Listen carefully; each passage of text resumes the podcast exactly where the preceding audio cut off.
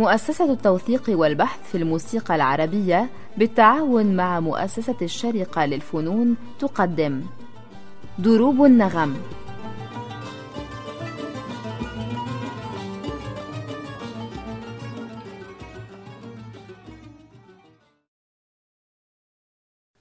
أصدقائنا المستمعين أهلا وسهلا بكم في حلقة جديدة من برنامج دروب النغم حلقة نتناول فيها غناء العوالم.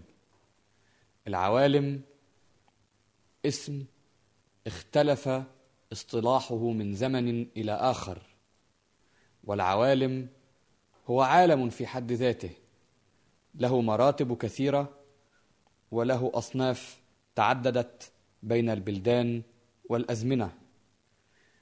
يحدثنا في هذا الشأن الأستاذ الدكتور عمنا وعم عيالنا فريدريك لاجرونج أولا في مسألة المصطلح. ما معنى كلمة عوالم؟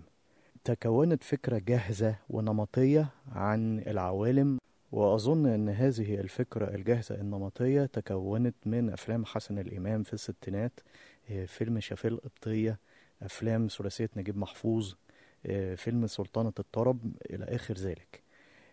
لدرجة أن حاليا لو ألصقنا مثلا صفة راقية بلفظة علمة هنحس على طول أن في تناقض. نستشعر أن هناك تنافي في الألفاظ. ولكن الحالة كانت مختلفة في القرن التاسع عشر بحيث أن كلمة علمة كان معناها المعنى الأصلي أي عالمة في أمور الغناء. وكلمة علمة كانت قد تكون في بعض الأحيان كلمة مرادفة تماما لكلمة مطربة ولكلمة مغنية بحيث أن كان هناك فعلا تراتبية ما بين العوالم وألمظ علمة وسكنة علمة. لكن طبعا شتان ما بين ألمظ وسكنة وبين الغوازي لأن الغوازي هم طبعا الراقصات.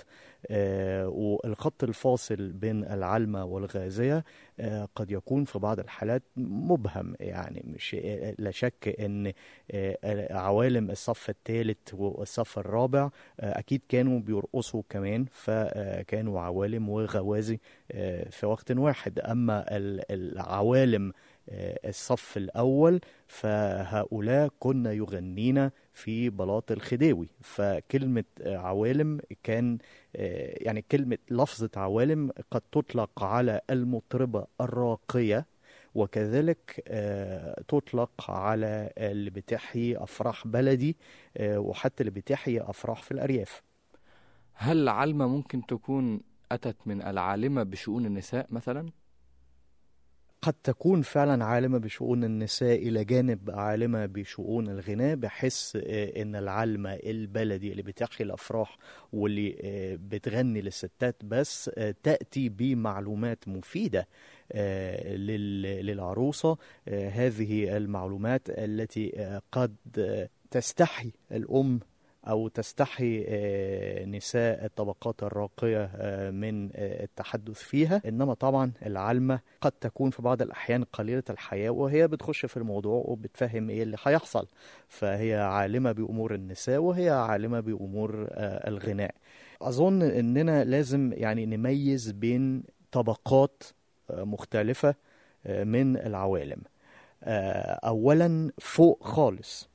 يعني في أعلى مرتبة. هناك العوالم اللواتي يغنين الحصيلة الرجالية. لكن يغنين هذه الحصيلة الرجالية لمن؟ السؤال طبعا لا يمكن أن نجيب عنه بشكل حاسب. لا شك أن ألمظ على سبيل المثال كانت تغني للسيدات كما كانت تغني للرجال. وهل كانت تغني للرجال مباشرة أم هل كانت تغني للرجال من وراء الستار لكي لا يروها؟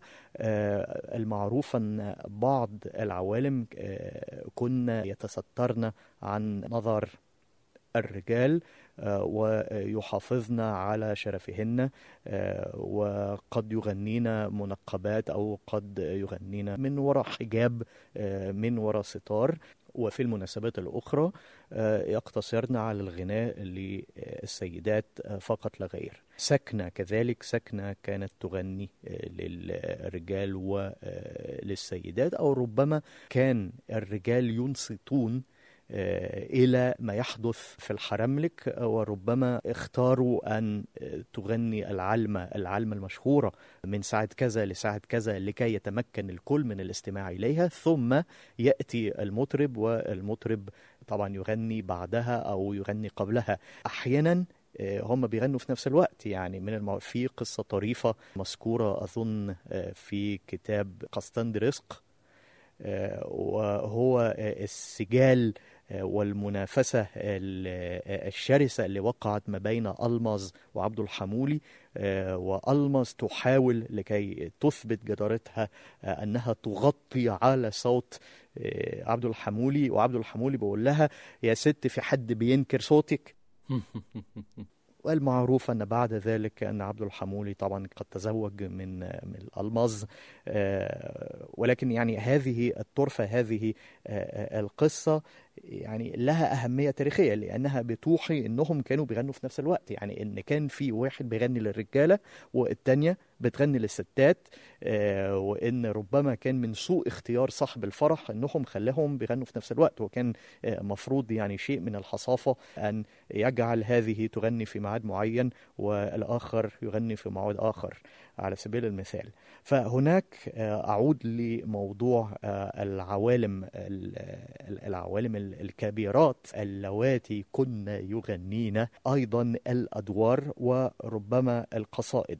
هناك آه، مسألة تطرح نفسها ومع الأسف الإسطوانات لا تساعدنا كثيرا على الإجابة عنها وهو هل كان التخت تختا نسائيا أم كان التخت تخت رجالي في الواقع. عندما نستمع إلى تسجيلات عوالم الصف الأول اللواتي يغنين الأدوار آه، لا شك أن التخت هو تخت رجالي.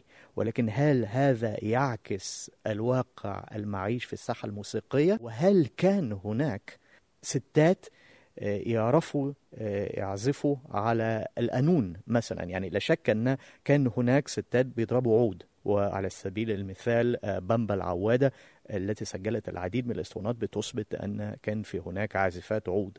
لكن عازفات قانون إحنا عمرنا ما سمعنا عن ست بتضرب قانون قبل القرن العشرين. كذلك آه، هل كان هناك آه، سيدات يعزفن على آلة الناي يعزفن على آلة الكمان وغير ذلك؟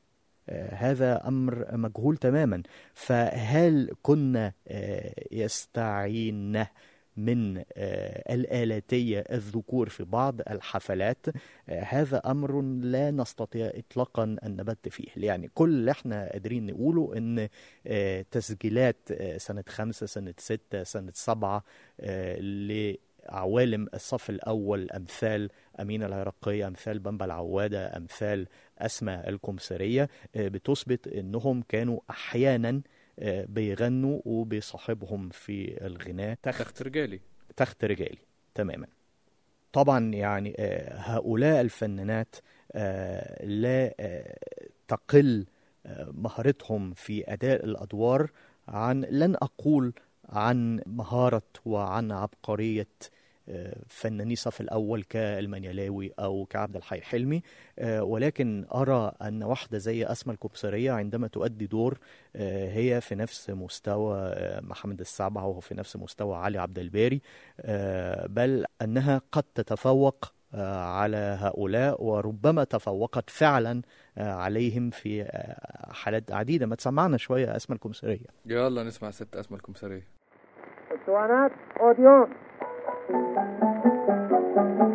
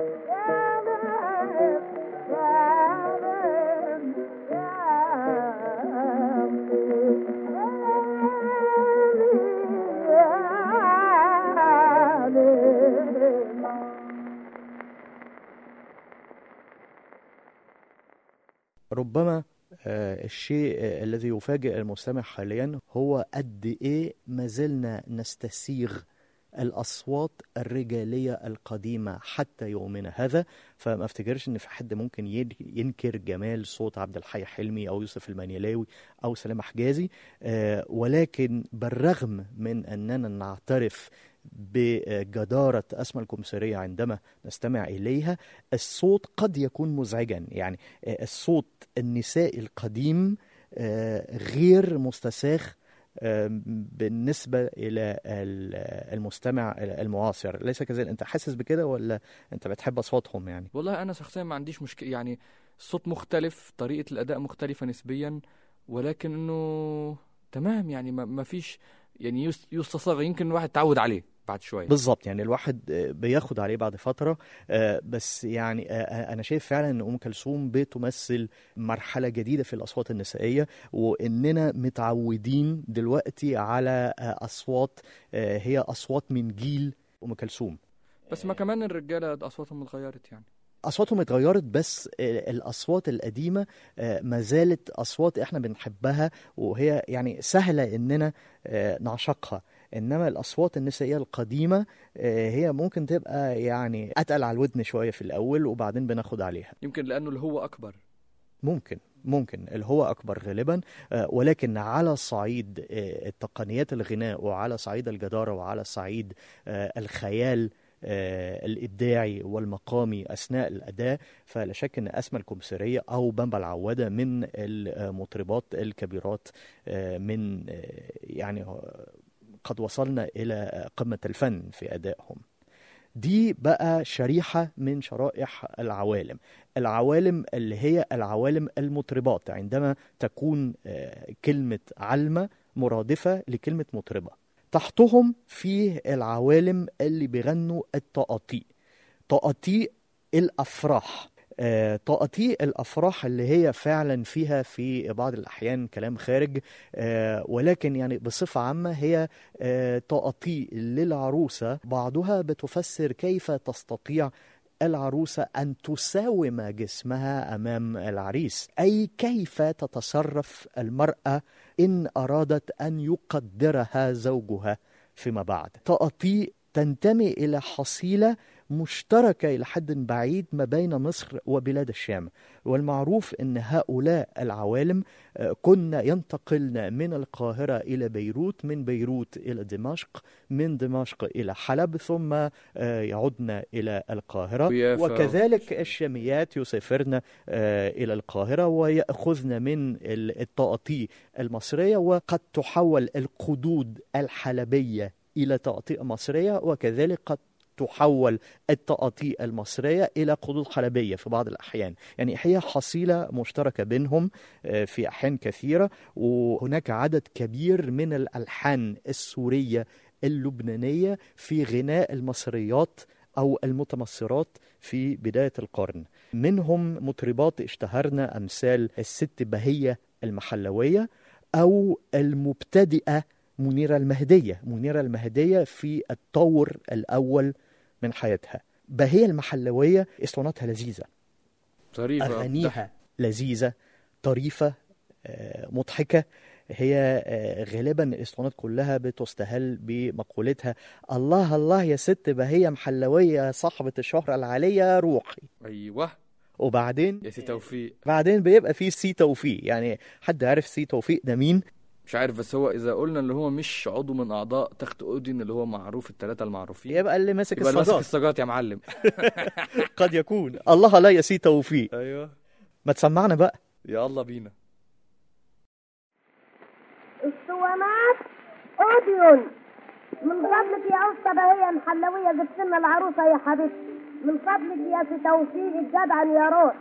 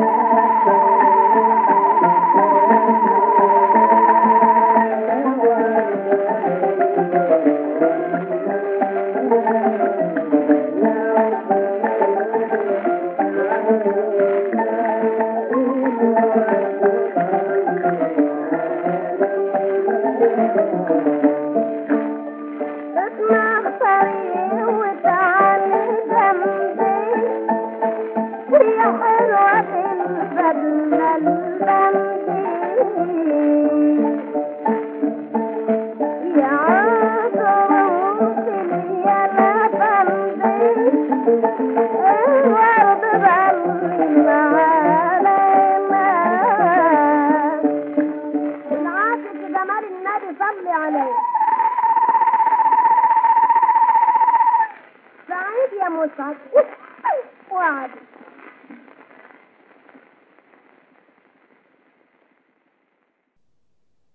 وبخصوص هذه النصوص التي تتحدث عن كيفة مساومة جسم المرأة أمام الزوج. هناك تأتيك مثلا بست ريال.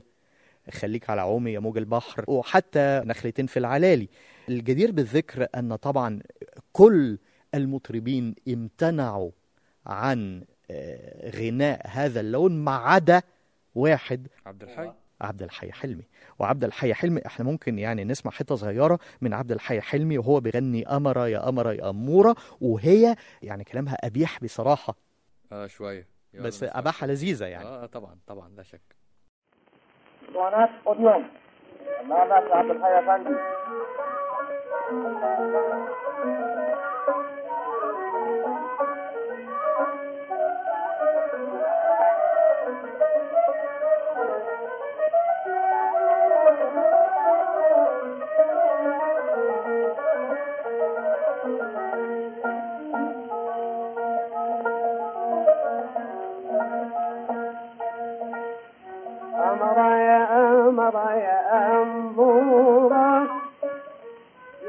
يمحني ليل معفورة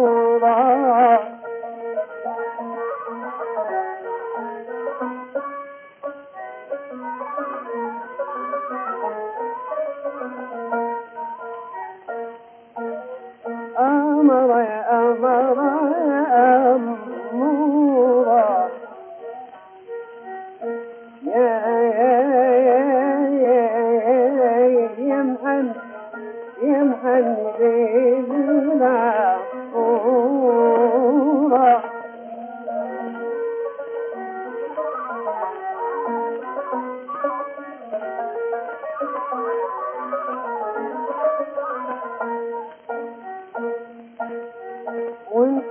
تايه عن بيتنا بيتنا حضورة حضورة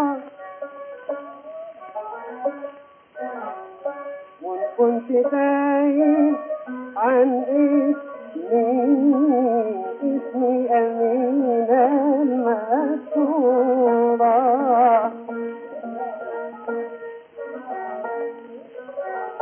وإن كنت خايف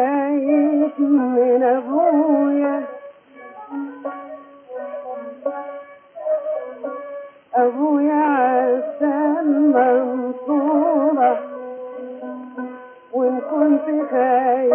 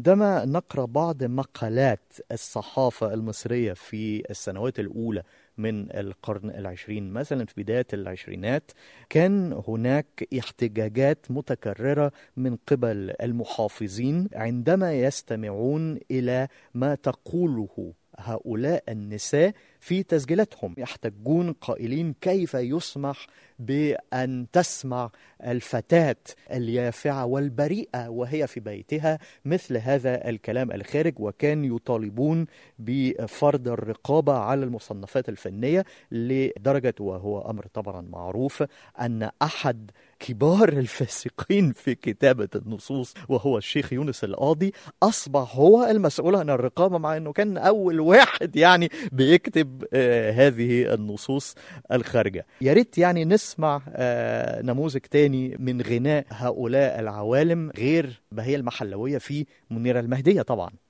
نسمع الست منيرة لما كانت لسه في عز شبابها حوالي كده سنة ستة كانت بتسجل ساعتها لكل شركات الاسطوانات والتسجيل اللي هنسمعه لشركة أوديون طقطوقة يا لاموني وهي يعني من أغاني الأفراح المشهورة آنذاك. وبهذا التسجيل نكون قد أتينا على نهاية الحلقة الأولى التي نتحدث فيها عن غناء العوالم من سلسلة حلقات عن هذا الشأن من برنامج ضروب النغم. إلى أن نلقاكم نترككم مع الست منيرة المهدية. في الأمان. اسطوانات اوديون